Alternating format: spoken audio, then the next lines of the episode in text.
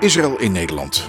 Dit is de podcast van de ambassade van Israël die wij wekelijks in het weekend uploaden op ons Soundcloud-kanaal.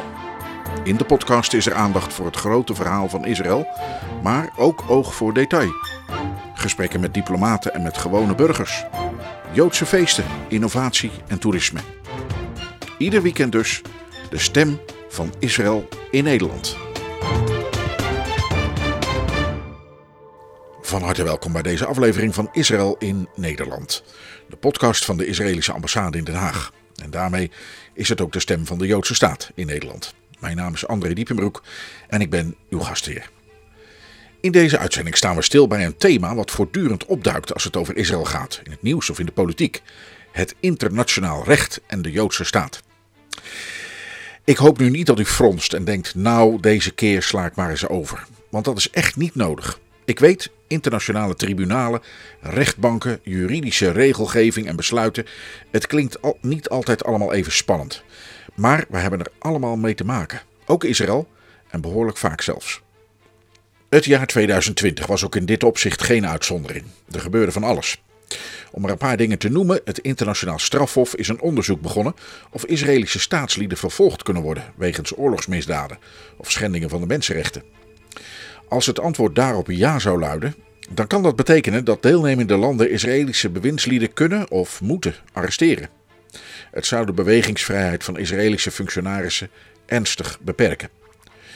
Dit is allemaal het gevolg van de politisering van veel internationale fora door de Palestijnen, die deze organisaties inzetten als middel om Israël te isoleren of tot concessies te dwingen. Minister Kaag van Ontwikkelingssamenwerking en Buitenlandse Handel moest twee keer naar de Kamer schrijven. Eerst om toe te geven dat er geld was gedoneerd aan een Palestijnse organisatie waar werknemers op de loonlijst stonden, die worden vervolgd wegens terrorisme. En ze moest toegeven dat Nederland informatie achterhoudt over de projecten die buitenlandse zaken financiert in een deel van de westelijke Jordaanoever, waar Israël het civiel en militair bestuur in handen heeft. Hoe je het ook went of keert, het is inmenging in de politieke aangelegenheden van een bevriend land. En dat heeft weer te maken met het feit dat Nederland en de EU een mening hebben en nastreven over waar de toekomstige Palestijnse staat moet komen te liggen. Kortom, tijd voor een overzicht van wat we op dit terrein in 2021 kunnen verwachten.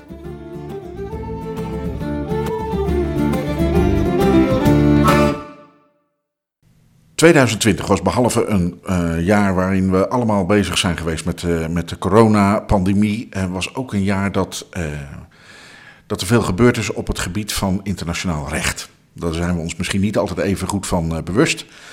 Maar dat is wel gebeurd en onlangs uh, uh, is daar ook het een en ander uh, over in het nieuws verschenen. Dat had te maken met het Nederlandse ministerie van Buitenlandse Zaken.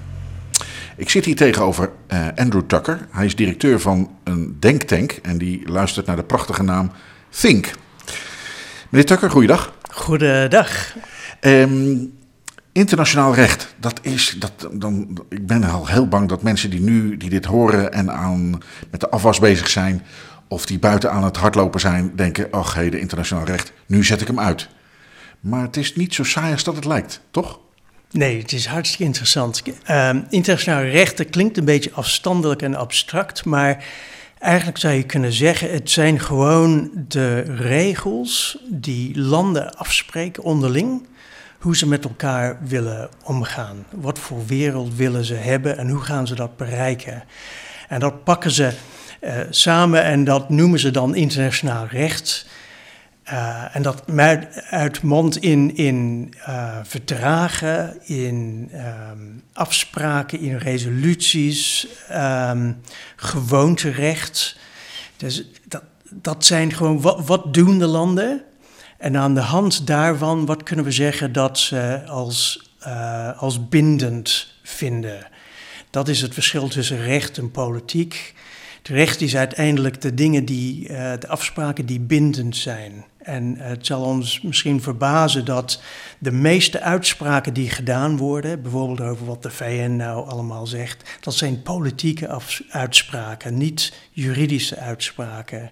En uiteindelijk is, is de kern van internationaal recht vrij beperkt. Er zijn wel een aantal kerndingen die afgesproken zijn principes uh, of die dingen in verdragen worden afgesproken. Maar daarbuiten is het met name politiek. En dat zijn uh, politieke keuzes die landen willen maken of doelen die ze hebben. Dat is allemaal prima, maar het is niet bindend. De ondertitel van uh, Think, heb ik buiten even gezien op, op de deur, is Israël en internationaal recht. Nou, dat, dat zal, hoeft niemand te verbazen natuurlijk dat uh, wij van de ambassade van Israël daarin geïnteresseerd zijn. Uh, en dat wij dus dit gesprek hebben. Um, hoe was 2020? Welke kwesties speelden er op dit vlak? Nou, ik vind het wel um, opvallend. Wij leven precies 100 jaar sinds uh, de afspraken die gemaakt werden na de Eerste Wereldoorlog. Nou, dat lijkt heel lang geleden. Ja. Maar wat ik vind en voel, en dat denk ik dat we het afgelopen jaar hebben gezien, is een soort kantelpunt. We hebben honderd jaar geprobeerd om het Joodse volk een plekje te geven in de wereld.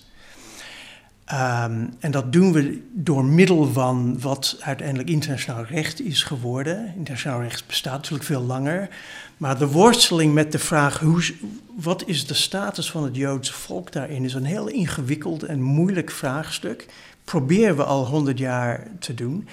En ik vind dat we nu um, het punt hebben bereikt dat het internationaal recht op een, op een veel uh, duidelijker manier dan voorheen gebruikt wordt om de positie van het Joodse volk te onderdrukken en in gevaar te brengen. En ik ja, maak, is het echt zo in gevaar brengen? Ja, ik maak er wel grote zorgen om. Um, kijk, um, het Joods volk um, heeft, uh, om, om te kunnen overleven, moet het als volk kunnen leven in het land. We hebben gezien dat de Jood, het Joods volk in de landen van de diaspora, um, dat ze daar geen toekomst hebben. Nou, waar dan wel? In eigen land, in Palestina. Nou, dat is een heel klein stukje grondgebied, zoals u weet. Um, en wat nu wordt gedaan, is uh, in de naam van internationaal recht en, en staat laten oprichten, dat heet Palestine, in de bergen van Judea en Samaria en Jeruzalem. Uh, wat politiek gezien allemaal prima is, want ik denk dat de Palestijnen ook recht hebben op zelfbeschikking. Maar dat een staat zal zijn waar, waaruit terreur uh, gedreven wordt tegen het Joodse volk. Het is niet zo dat daar een vriendschap is, te, politiek gezien, tussen Israël en de PLO. Dat is er nog niet. Er is heel veel vriendschap tussen Joden en Arabieren, Palestijnen en Joden. Dat is ook een verhaal van het jaar 2020 geworden met de Abraham-akkoorden. Absoluut. En dat is een hele mooie ontwikkeling. Maar politiek nog steeds. De PLO is het, is het, gedra- is het uh, gesprekspartner van Israël. En de PLO heeft nog steeds als doel de vernietiging van de staat Israël, het Joodse staat Israël. Moeten we niet vergeten, laat staan Hamas of Hezbollah. Er wordt toch altijd gezegd dat dat uh, wel erkend is, dat, dat, dat de PLO dat heeft laten vallen? Ja, dat zou je denken. Hè? Het was afgesproken in de, tijdens de Oslo-akkoorden dat Arafat het, um, um, um, de, de, de charter van de PLO zou laten wijzigen. Dat is nooit gebeurd. En dat is ook aangetoond afgelopen jaar bij het internationaal strafhof, dat dat niet nooit gewijzigd is. En dat laat zien dat er een kern is, uh, en dit is de uitdaging in Palestijnse politiek. Er is nog steeds een kern die vasthouden aan het, um, het, het overwinnen van Zionisme, het vernietigen van Zionisme. Ze willen dat Palestina een Palestijnse staat wordt. En dat gaat niet alleen over de Westbank. Maar alles. Ja, het gaat over alles. Om eens even daar uh, een uitstapje van te maken naar de krant van nu. En niet aan het einde van de Eerste Wereldoorlog of, uh, uh, en alles wat daarna gebeurde te praten. Dat, dat belandde eigenlijk in het nieuws in oktober, eind vorig jaar. Met minister Kaag, die vragen moest beantwoorden in de Tweede Kamer over Area C. Nou moeten we eventjes nou, dat is, nu gaan we even, even in de details werken. Area C, dat is de Westbank. Dat is het, de westelijke Jordaanoever. Verdeeld in drie stukken, drie soorten grondgebied. Area A, dus het A-gebied, dat is uh, het gebied waar de Palestijnen zowel civiel als uh, de veiligheidsverantwoordelijkheid hebben. Area B, dat is een heel klein stukje, dat gaat over um, waar Israël verantwoordelijk is voor de veiligheid en de Palestijnse autoriteit het civiele bestuur doet. En dit is Area C. Wat is dat voor gebied? Um, nou, dit, komt allemaal voort uit de Oslo-akkoorden van de jaren negentig. En, en dat was een poging onder leiding van het uh, de Madrid-proces. Dus de grote machten die wilden dat er een akkoord komt tussen Israël en de Palestijnen. Uh, het zijn vrij ingewikkelde akkoorden, maar in grote lijnen heeft Israël toen gezegd: wij erkennen het recht van de Palestijnen op zelfbeschikking. Um, wij spreken ook af dat wij uh, langzamerhand geleidelijk terugtrekken uit de gebieden we hebben het over de gebieden die veroverd werden in de Zesdaagse Oorlog. De Westbank met name. 1967. 67. Dus we laten even de Gazastrook en de Golanhoogte buiten beschouwing. Maar wat de, wat de Westbank betreft, ook wordt. Uh, Israël heeft gezegd in, in, uh, na de Zesdaagse Oorlog. Die heeft dat niet als onderdeel van Israël, behalve Oost-Jeruzalem. Die ze wel als onderdeel van Israël beschouwen. Maar de rest heeft, heeft ze gezegd, nou, wij onderhandelen voor vrede. Nou, inmiddels zijn er verdragen gesloten met Egypte en Jordanië. En de laatste stuk zou een afspraak moeten zijn met de Palestijnen zelf. Israël heeft nooit gezegd dat ze een Palestijns staat zal erkennen. Het staat niet in de Oslo-akkoorden. Wat er wel in Oslo staat, is dat een soort geleidelijk um, terugtrekking en overdracht van bestuur. En dat, dat is juist het zwakke punt van die Oslo-akkoorden. Omdat er wel een bepaalde overdracht is in die drie gebieden die jij net noemt. Maar dat werkte gewoon niet. Um, dus in feite heeft Israël weer het hele gezag overgenomen van de Westbank. Um, maar formeel gezien heb je gelijk, de Area C, dat is volgens mij 70% van uh, de Westbank, is het grootste gedeelte. Um, vanuit de Palestijnen gezien denken zij dat zij daar recht op hebben.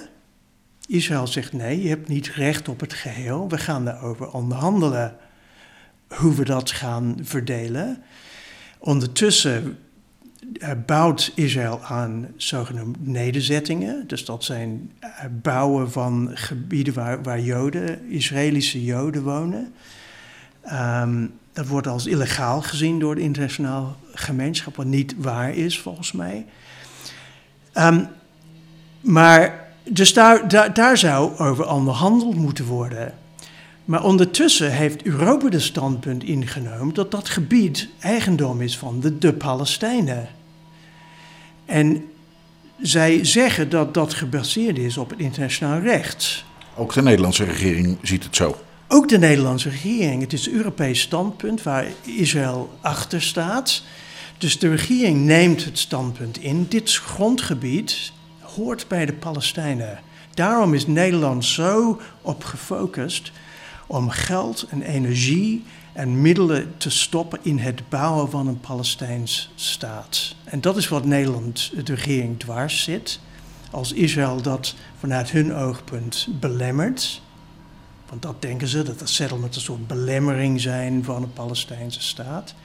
Omdat ze het standpunt al ingenomen hebben dat dit gebied niet van Israël is. En daar uh, gaan ze de fout in, vind ik, want dat is nooit afgesproken. Het staat absoluut niet in de Oslo-akkoorden. Dus als Nederland de Oslo-akkoorden zou ondersteunen, en dat moeten ze volgens mij, moeten ze onderhandelingen steunen. Ze moeten niet een standpunt in dat uh, de Palestijnen uh, ondersteunt met hun standpunt dat zij recht hebben over het hele gebied. Want dat klopt niet. Nou uh, speelde deze kwestie ook op in eind vorig jaar bij, in de Tweede Kamer. waar minister Kaag van Ontwikkelingssamenwerking die moest vragen beantwoorden. Waar ging dat over? Nou, het ging over dat Area C, daar was wat aan de hand. Ja, nou er zijn heel veel dingen aan de hand met Area C. Uh, zoals ik zei, Europa stopt heel veel geld hierin. De samenwerking bilateraal tussen Europa en de, en de Palestinian Authority. Dat geld gaat via Brussel, maar het gaat ook rechtstreeks vanuit de lidstaten, waaronder ook Nederland, naar de Palestinian Authority. En dat gaat meestal niet direct naar de PA, maar het gaat via allerlei uh, NGO's, non-governmental organizations, die opgezet zijn in de Palestijnse gebieden. En die een soort semi-erkenning hebben. Die zijn niet onderdeel formeel van de PA. Maar, want je moet de Palestijnse gebieden zien als een heleboel uh, organisaties en families en clans die samenwerken onder het paraplu van de PLO. Maar dat is een verscheidenheid van allerlei clubs. En Nederland geeft geld aan een aantal van die clubs.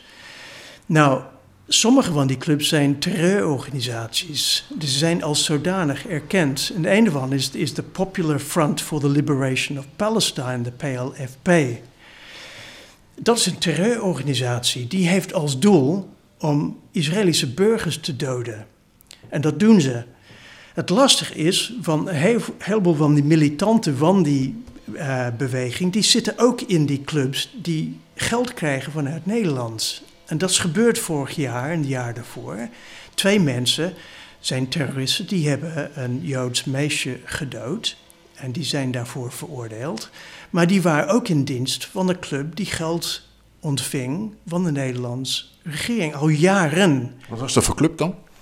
Nou, dat was het zogenoemde Agricultural UAWC, dus United Agricultural Work Committee of zoiets. Eh, dus dat is een onderdeel van de PLFP, van die terreurorganisatie. Dat is ook aangetoond. Maar dat krijgt, omdat het een soort civiel doelstelling heeft, agricultural development, wat natuurlijk heel goed is, maar die, die, die verbanden in die wereld zijn heel nauw. Dat zie je ook in de Gazastrook. Die zijn niet te onderscheiden van elkaar. Heel veel mensen die zitten zowel met uh, in die, in die uh, organisatie van civiel uh, opbouw van Palestijnse um, samenleving, maar die zitten ook in de terreurorganisaties. Dus dat geld kan, als het daar belandt, zijn we de zicht op kwijt. Hebben we geen controle meer over. En dat is wat Kaag probeerde te ontwijken. Ze wil niet zien, ze ontkent dat dat geld ook voor terreurdoelstellingen gebruikt wordt. Um, en ze heeft uiteindelijk erkend dat, dat, dat er een onderzoek plaats moet komen. Dus dat gebeurt nu, een soort onderzoek. Geldkraan is dichtgegaan geld is dichtgegaan. In ieder geval een klein stukje geld waar we het over hebben. Er is veel meer geld trouwens wat die kant op gaat, wat niet dichtgegaan is. Um, dus ze doen wat ons betreft te weinig aan om dit echt ondersteboven te krijgen. Wat er, wat er echt gebeurt met Nederlands geld. Nou, toen kregen we Area C. Dat speelde dus, uh, want waar we het nu over hadden met die, uh, dat, dat Kaag, ja, minister Kaag Bak zou moeten halen, moest halen. Uh, en dat onderzoek moest gelasten. Dat was, uh, uh, speelde de afgelopen zomer. Um, en toen kwam Area C en dat was dat Nederland daar allerlei projecten financiert. Europese EU-projecten, maar ook zelf dingen. Dat zijn hele onschuldige dingen natuurlijk uiteindelijk. Zonnepanelen, waterpompen, dat soort dingen. Ja, als je door dat gebied reist, dan zie je allerlei kleine gebouwen tussendoor, witte gebouwen. En ze hebben vaak een soort EU-etiket op of een VN-etiket op. Kijk, um, dit is betwist gebied, juridisch gezien. Uh, Israël zegt wij hebben er ook recht op, totdat er een afspraak gemaakt wordt met de Palestijnen, uh, zijn we in onderhandeling over dit gebied. Israël heeft daar gezag over onder de Oslo-akkoorden en heeft daar ook militair gezien uh, de grip op. En dat moeten ze ook hebben om terreur tegen te houden. Nou, ondertussen zegt Europa: nee, hier moet een Palestijnstaat komen. Dus wij gaan bilateraal buiten Israël om allerlei projectjes steunen om gebouwen te bouwen. Uh, allemaal goede dingen, omdat de Palestijnen hier moeten wonen. Nou, dit is niet humanitair uh, hulp, dit is een politiek project. Um, en dat moeten we goed onder ogen zien dat Europa hier een politiek doeleinde heeft. En dat is dat Israël volledig terugtrekt uit die gebieden. Israël zegt dat kunnen we niet, anders hebben we geen veiligheid meer. We moeten onderhandelen en de PLO moet en de PA moeten daar afspraken over maken. Uh, ondertussen zegt Europa dat uh, Israël te traag is met het afgeven van vergunningen voor bouwprojecten. En Israël is daar heel traag in. En die zelfs uh, illegaal bouwprojecten vernietigt. Niet alles. Er zijn duizenden gebouwen in die gebieden die gebouwd zijn door de PA met Europees geld die niet vernietigd zijn. Grote gebouwen. Um, die worden niet allemaal verneeld.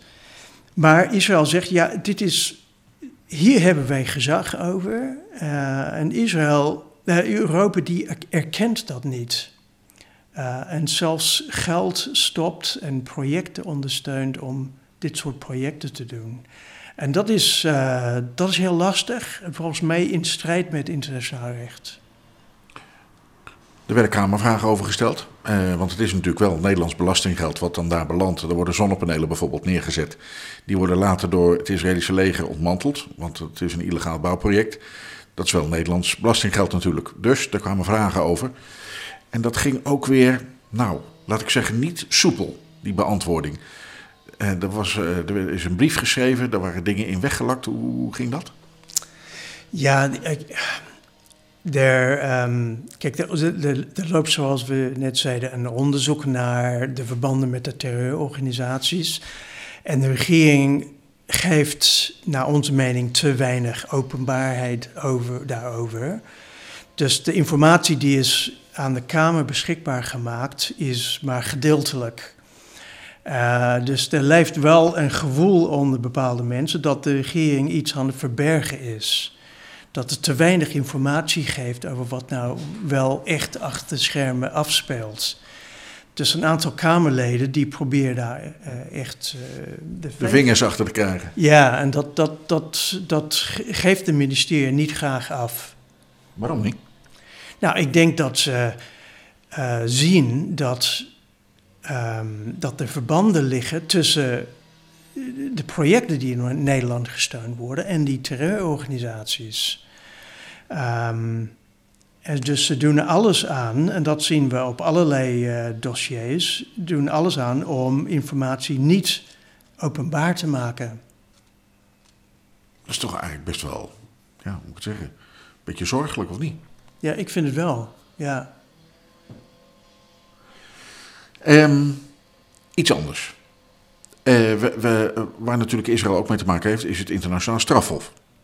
De ambassade is uh, afgelopen jaar ook verhuisd naar een gebouw naast het internationaal strafhof. Dus het zijn onze buren.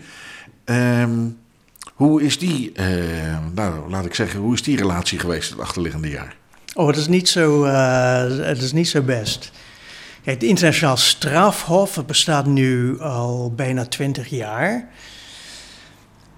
Um, dat is opgericht om de grote boeven in deze wereld op te pakken, laten we het zo zeggen. Weet je wel, waar in landen waar die geen rechtsstaat hebben, waar er geen enkel kans is op, um, uh, op, op uh, het aanpakken van de grote misdadigers um, in deze wereld. En dus je denkt aan de grote oorlogen die zijn geweest in Afrika, maar ook de Balkans enzovoort.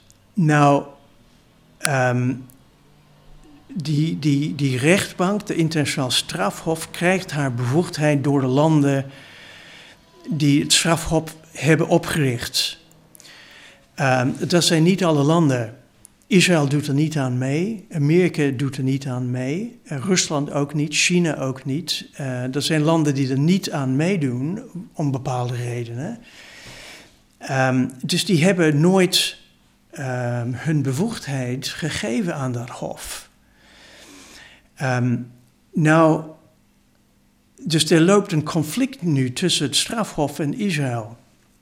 Het strafhof zegt dat het ingrijpen door Israël in de Gazastrook de afgelopen jaar in strijd is met internationaal humanitair recht.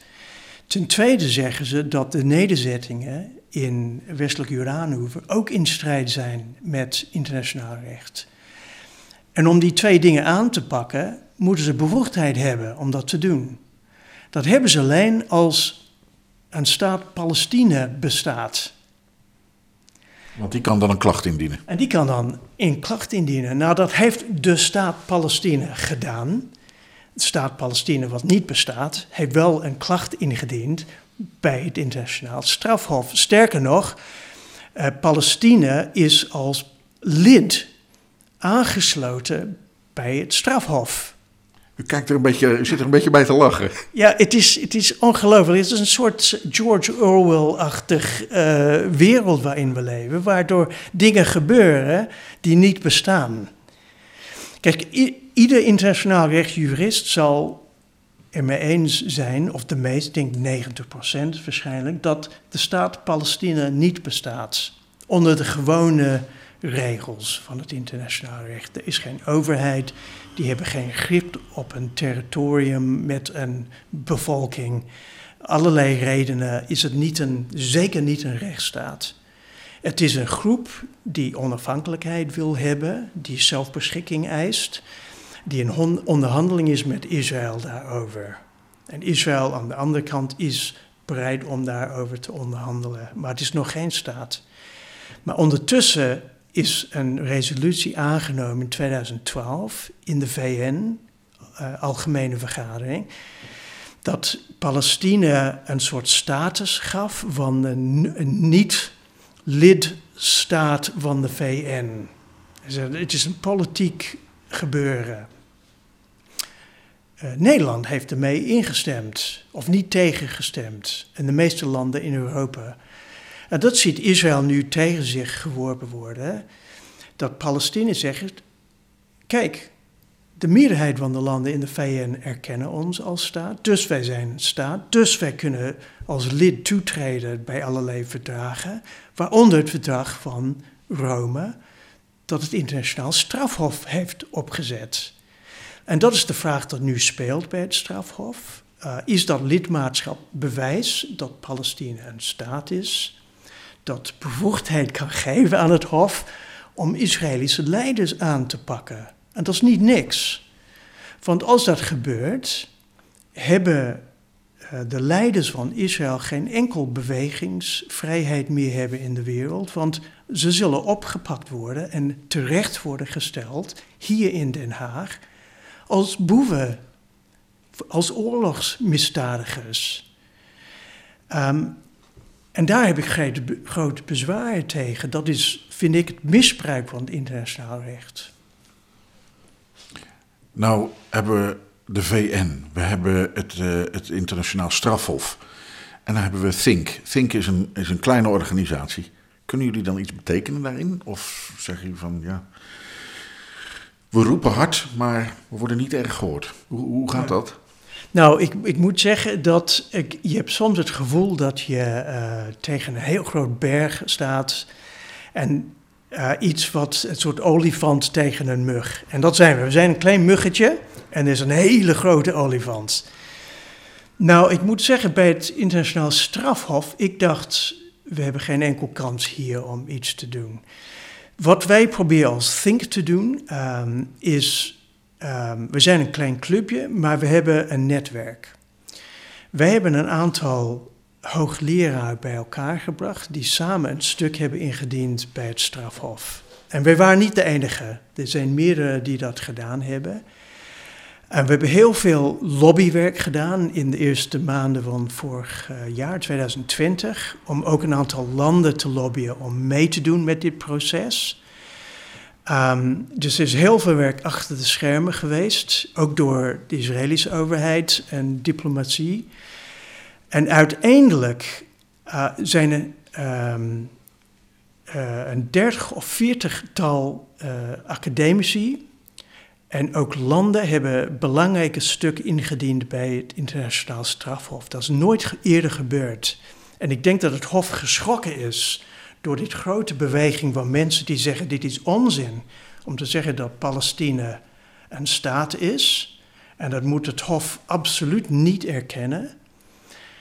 Um, nou, het, strafhof zit in een hele lastig politiek uh, pakket. Want ze moeten boeven vinden, te pakken, anders hebben ze geen bestaansrecht meer.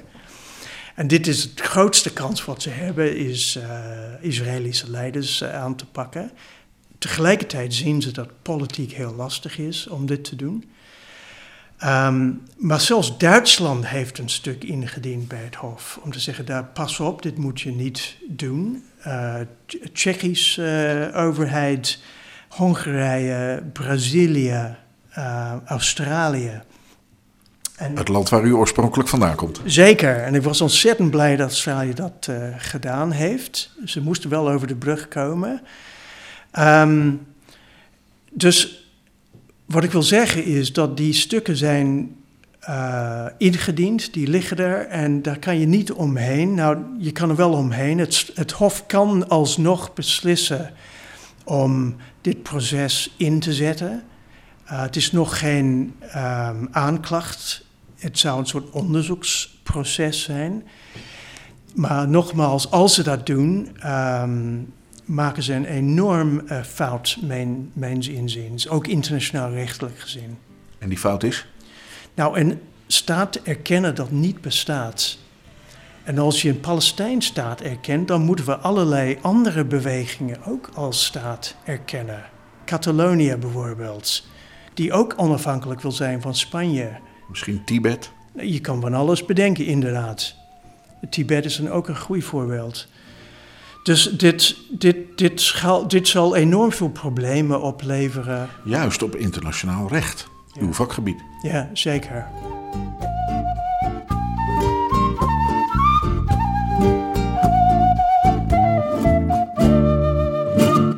Het Nederlandse ministerie van Buitenlandse Zaken is dus via minister Kaag betrokken bij het financieren van hulpprojecten in het C-gebied van de Westbank. Dat is het grootste deel van Judea en Samaria, waar nochtans de minste Palestijnen wonen. Immers, 95% van de Palestijnen woont in het A-gebied, waar Palestijns zelfbestuur is door de Palestijnse autoriteit. Waarom mengt Nederland zich actief in deze kwestie door de hulp- en bouwprojecten te gaan steunen?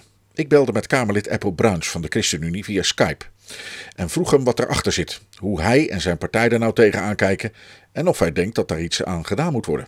In 1995, onder het, onder het Oslo II-akkoord, is afgesproken dat ook dat gebied langzamerhand zal worden overgedragen naar Palestijns zeggenschap. Dat is tot nu toe niet gebeurd, maar uh, dat komt ook omdat is afgesproken dat uh, een, een, een, finale situatie, een eindsituatie en een vredessituatie alleen maar met instemming van beide partijen kan worden verkregen. Um, en uh, tot die tijd is het heel erg gevoelig van wat er op de grond precies verandert.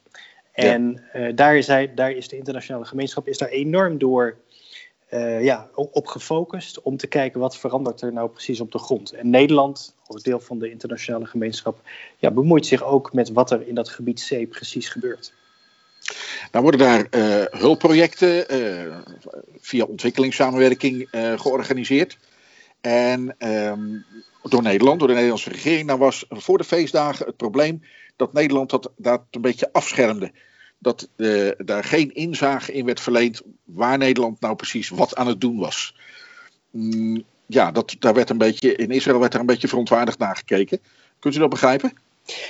Ik kan dat zeker begrijpen, want in zekere zin, uh, zolang toch ook Israël daar qua jurisdictie voor, voor het zeggen heeft, kun je je ook afvragen van waar bemoeit Nederland zich mee als, als wij zijn buitenland. Tegelijkertijd is het natuurlijk heel gevoelig ook, omdat ja, zodra er iets op de grond verandert in, in gebied C, de een of de andere kant op, wordt het voordeliger of nadeliger voor, voor de een of de ander. Dus ja, het is gewoon heel gevoelig. En Nederland moet ook oppassen en ook heel diplomatiek handelen wanneer ze daar bepaalde eh, dingen doen. En dat gaat niet altijd goed. Nou is het zo dat uh, Nederland eigenlijk die, ja, de, de, de ontwikkelingssamenwerkingsprojecten eigenlijk een beetje afschermt omdat de regering wil voorkomen dat ja, die projecten misschien wel worden vernield of worden, ja, hoe zeg je dat, opgeruimd, omdat dat vanuit Israëlisch perspectief illegaal is. dat is misschien dan toch ook wel weer begrijpelijk dat de Nederlandse regering daar een beetje, nou, dat, dat, daar niet al te openlijk, het is tenslotte, het is tenslotte belastinggeld. Uh, ik begrijp dat. Het tegelijkertijd, juist omdat het belastinggeld is, uh, zou, moet de Nederlandse regering daar, daar volledig open voor zijn. En tegelijkertijd is het ook zo dat het, je hoort niet gebouwen illegaal neer te zetten. En ook in gebied C, daar heerst een rechtsstaat, weliswaar de, de Israëlische rechtsstaat. En uh, toen er inderdaad werd gesproken een paar maanden terug over autonomie voor, voor, van Israël over gebied C. Ja. dat gaat nou juist over um, geldt de Israëlische rechtsstaat in dat gebied C. Nou, um, het is uh, niet meer dan logisch dat er een rechtsstaat moet gelden. En als er een rechtsstaat zou moeten gelden, zou het Israëlische moeten zijn. als de Israëlische rechter zegt dat een bepaald bouwwerk illegaal is, ja, dan is het illegaal. En dan is de vraag of het wel verstandig is om dan als Nederland daar zonnepanelen of een gebouwtje neer te zetten, als het volgens de rechter illegaal is. Ja is het ook niet uh, wat ingewikkeld dat Nederland, uh, Nederland en Israël hebben goede relaties, al, al decennia lang. Ehm, dat er toch een beetje iets insluipt van, ja, laat ik zeggen, wat aparte situatie als de Nederlandse overheid ja, zich gaat mengen in hoe, hoe Israël omgaat met bepaald stuk gebied eigenlijk, waar, waar Israëlisch bestuur is eigenlijk is toch een klein beetje de, de, de toonzetting, want dat was ook de, uh, het antwoord van de minister uh, op vraag hierover. Ja, uh, Nederland wil eigenlijk gewoon ehm, dat er een, een, leefbare Palestijnse staat komt. En dat zou dan daar moeten gebeuren. Dat is toch wel apart misschien ook, dat de Nederlandse overheid zich daarmee gaat bemoeien. Ja, precies. Kijk, ehm, Nederland hoort zich eigenlijk niet te bemoeien met de eindsituatie en daar ook niet op voor te sorteren. En dat is, dat is inderdaad het probleem. Ieder project dat je start, sorteert voor op, uh, op het een of op het ander. En dat moet je niet, dat moet je niet willen. En daarom zeggen wij als ChristenUnie altijd: als je hulpgelden geeft, dan moet je zorgen dat die niet ten goede komen aan de Palestijnse autoriteit. Uh, maar direct aan de Palestijnse burgers. Directe financiële hulp aan de, aan de burgers. En, en vooral wil de ChristenUnie altijd investeren in verzoeningsprojecten, in samenwerking van onderop. Dat is wat wij, waar we in geloven: dat vrede van onderop bevorderd kan worden. Via ontmoeting en verzoening. En uh, hulpgelden die zeg maar, grotere projecten gaan via de Palestijnse autoriteit. Eh, dat, dat levert altijd uh, problemen op, omdat toch aan de, aan de Palestijnse kant er nauwelijks sprake is van een, van een rechtsstaat, laat staan een democratische rechtsstaat. Nou, uh, gaat over de toekenning van dat soort gelden ook aan de, uh, de, de VN-vluchtelingenorganisatie voor de Palestijnen, de UNRWA. Het zijn allemaal ingewikkelde afkortingen. Er wordt ook geld gegeven aan projecten van de Landbouworganisatie van de Palestijnen. Um, daar gaat minister Kaag over van een andere partij dan de ChristenUnie. Ja. Dat is misschien voor jullie dan wel lastig, of niet?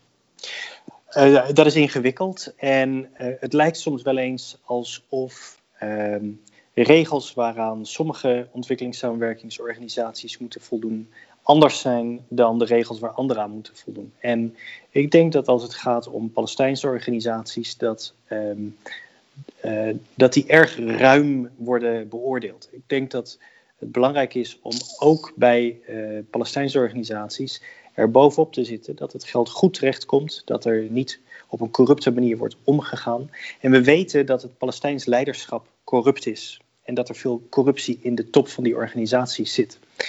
En zodra daar dan uh, aanwijzingen voor zijn, dan zie ik wel dat de minister soms even uh, de uitbetaling even stopt. Maar uiteindelijk gaat het dan toch weer door en liefst nog een beetje erbij.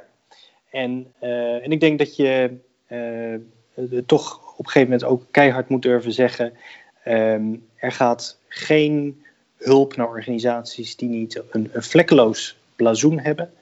En organisaties, wat de ChristenUnie betreft, organisaties uh, die een, een, economische boycott van Israël nastreven, de, de BDS-organisaties, daar zou sowieso geen Nederlands belastinggeld naartoe moeten gaan, want die zijn uh, sowieso gebiased. Uh, op zijn minst anti-Israël, maar zeker of op zijn minst anti-Israël, maar soms ook antisemitisch.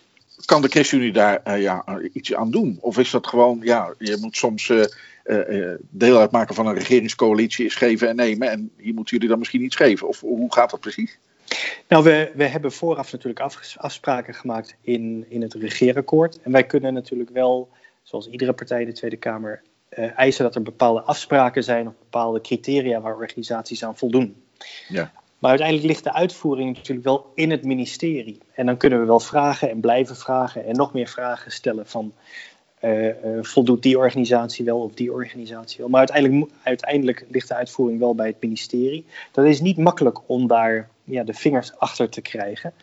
Um, dus we zijn in deze periode dat we in de coalitie zaten ook wel, hebben we wel gezien hoe moeilijk het is om, um, uh, als het gaat om, om de uitvoering, zowel bij, bij uh, richting hulporganisaties als ook bijvoorbeeld richting het stemgedrag binnen de Verenigde Naties, is het heel moeilijk om daar de vingers achter te krijgen van hoe loopt dat nou precies.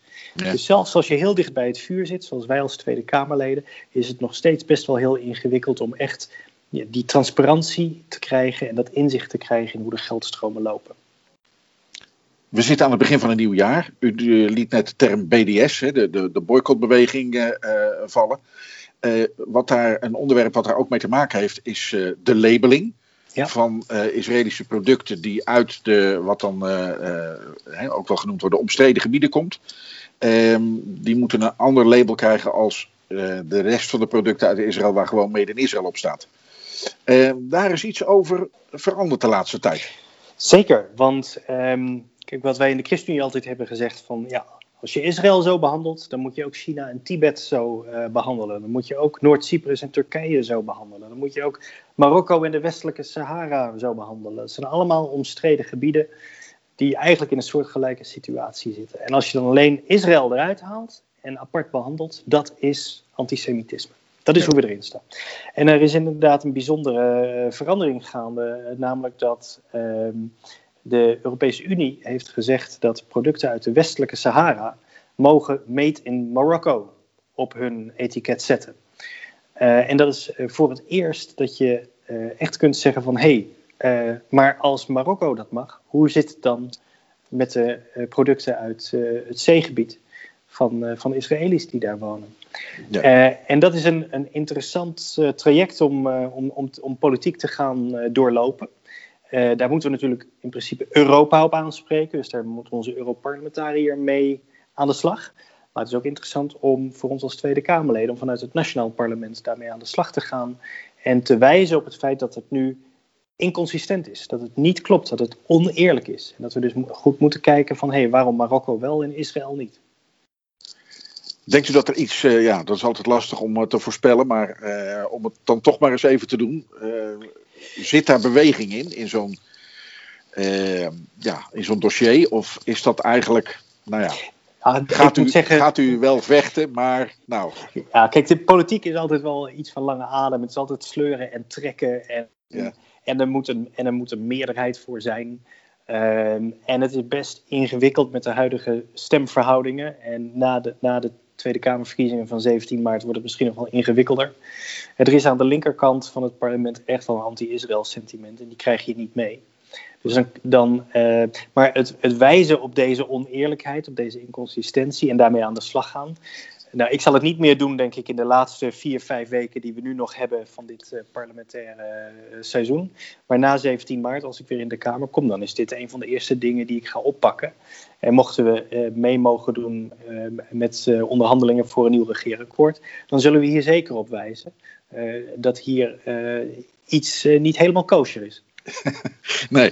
Uh, is dan ook uh, het financieren van, uh, van Palestijnse organisaties, laat ik maar zeggen, die, die gelinkt zijn aan de, aan, aan, aan de Palestijnse autoriteit, is dat dan ook iets wat dan op tafel komt? Ja, in ons. wat u betreft? Ja, in, ons verkiezingsprogramma hebben we een, eh, een, een stevige Israël-paragraaf opgenomen. Daar zeggen we, we willen vrede van onderop bevorderen. Dus we willen, als we hulpgelden geven, moet dat naar burgers gaan en niet naar organisaties. En zeker niet naar de Palestijnse autoriteit. Um, en we willen dat er geen belastinggeld gaat naar organisaties die een BDS-doel nastreven. Dus we hebben een stevige Israël-paragraaf en die zullen we inbrengen zodra we aan tafel komen. Uh, en uh, ik, kan zeggen, ook de vorige keer, drieënhalf jaar, bijna vier jaar geleden, toen we aan tafel kwamen om over een regeerakkoord te onderhandelen, toen heeft de Israël-paragraaf in het regeerakkoord heeft negen weken fulltime onderhandelen gekost voor uiteindelijk drie, vier zinnen. en we zullen er weer net zo halfstarrig en koppig in als de vorige keer. Als u terugkijkt, om dan, dan, toch maar even te doen, het is nog lang geen 17 maart, dus de terugblikken over uh, vier jaar kabinet Rutte 3, dat, uh, dat, dat komt nog wel een keer. Maar als u nu dan toch even een klein beetje terugkijkt, u, u, u, u herinnert zich de onderhandelingen over die Israël-paragraaf die er nu in het regeerakkoord zat. bent u toch tevreden? Nou, als kleine partij moet je al tevreden zijn als je kunt wijzen op wat je hebt kunnen tegenhouden. En wat op tafel lag vier jaar geleden was uh, gewoon uh, het feit dat uh, Nederland moet Palestina als land erkennen. en dat is, dat is gewoon het standpunt van, het standpunt van D66, onze coalitiepartner. Ja. Ehm, nou, we hebben een, een, een, een, stevige paragraaf kunnen opschrijven waarbij we duidelijk hebben gemaakt dat, um, dat er dat van zo'n stap geen sprake kan zijn zonder dat de veiligheid van Israël met gegarandeerde grenzen gewaarborgd is. Dat is stevig en dat hebben we vier jaar lang stevig kunnen vasthouden. En dat zal tot de laatste dag van deze regering zal dat het standpunt zijn. Uh, en daar ben ik heel erg tevreden over. Uh, verder uh, zie je ook dat we een paar stappen hebben kunnen zetten tegen dat absurde stemgedrag uh, van de Verenigde Naties en het telkens maar weer eruit pikken van, van Israël. Als het gaat om het uh, veroordelen van allerlei zaken. Daar is ook voor het eerst wat beweging ingekomen. Tevreden ben ik nooit. En dat moet ook als politicus. Ik mag nooit tevreden zijn. en hier, hier willen we ook in een, in een komende periode, als we weer mee kunnen doen, nog grotere stappen gaan zetten. Israël in de komende verkiezingen voor de Tweede Kamer. We gaan er de komende tijd vast meer over horen. Het brengt ons voor nu aan het einde van deze aflevering van Israël in Nederland. Fijn dat u weer luisterde. Attendeert u anderen ook vooral op deze podcast, die we ieder weekend proberen te plaatsen op ons Soundcloud-kanaal. En vergeet u niet volger te worden of u te abonneren. Zo blijft u steeds op de hoogte van wat we doen. Dat kan via Spotify, Apple Podcast, Overcast, Stitcher of gewoon via ons Soundcloud-account. Soundcloud.com slash Israël in Nederland. Voor wat ons betreft nu, dank voor het luisteren. Graag tot volgende week.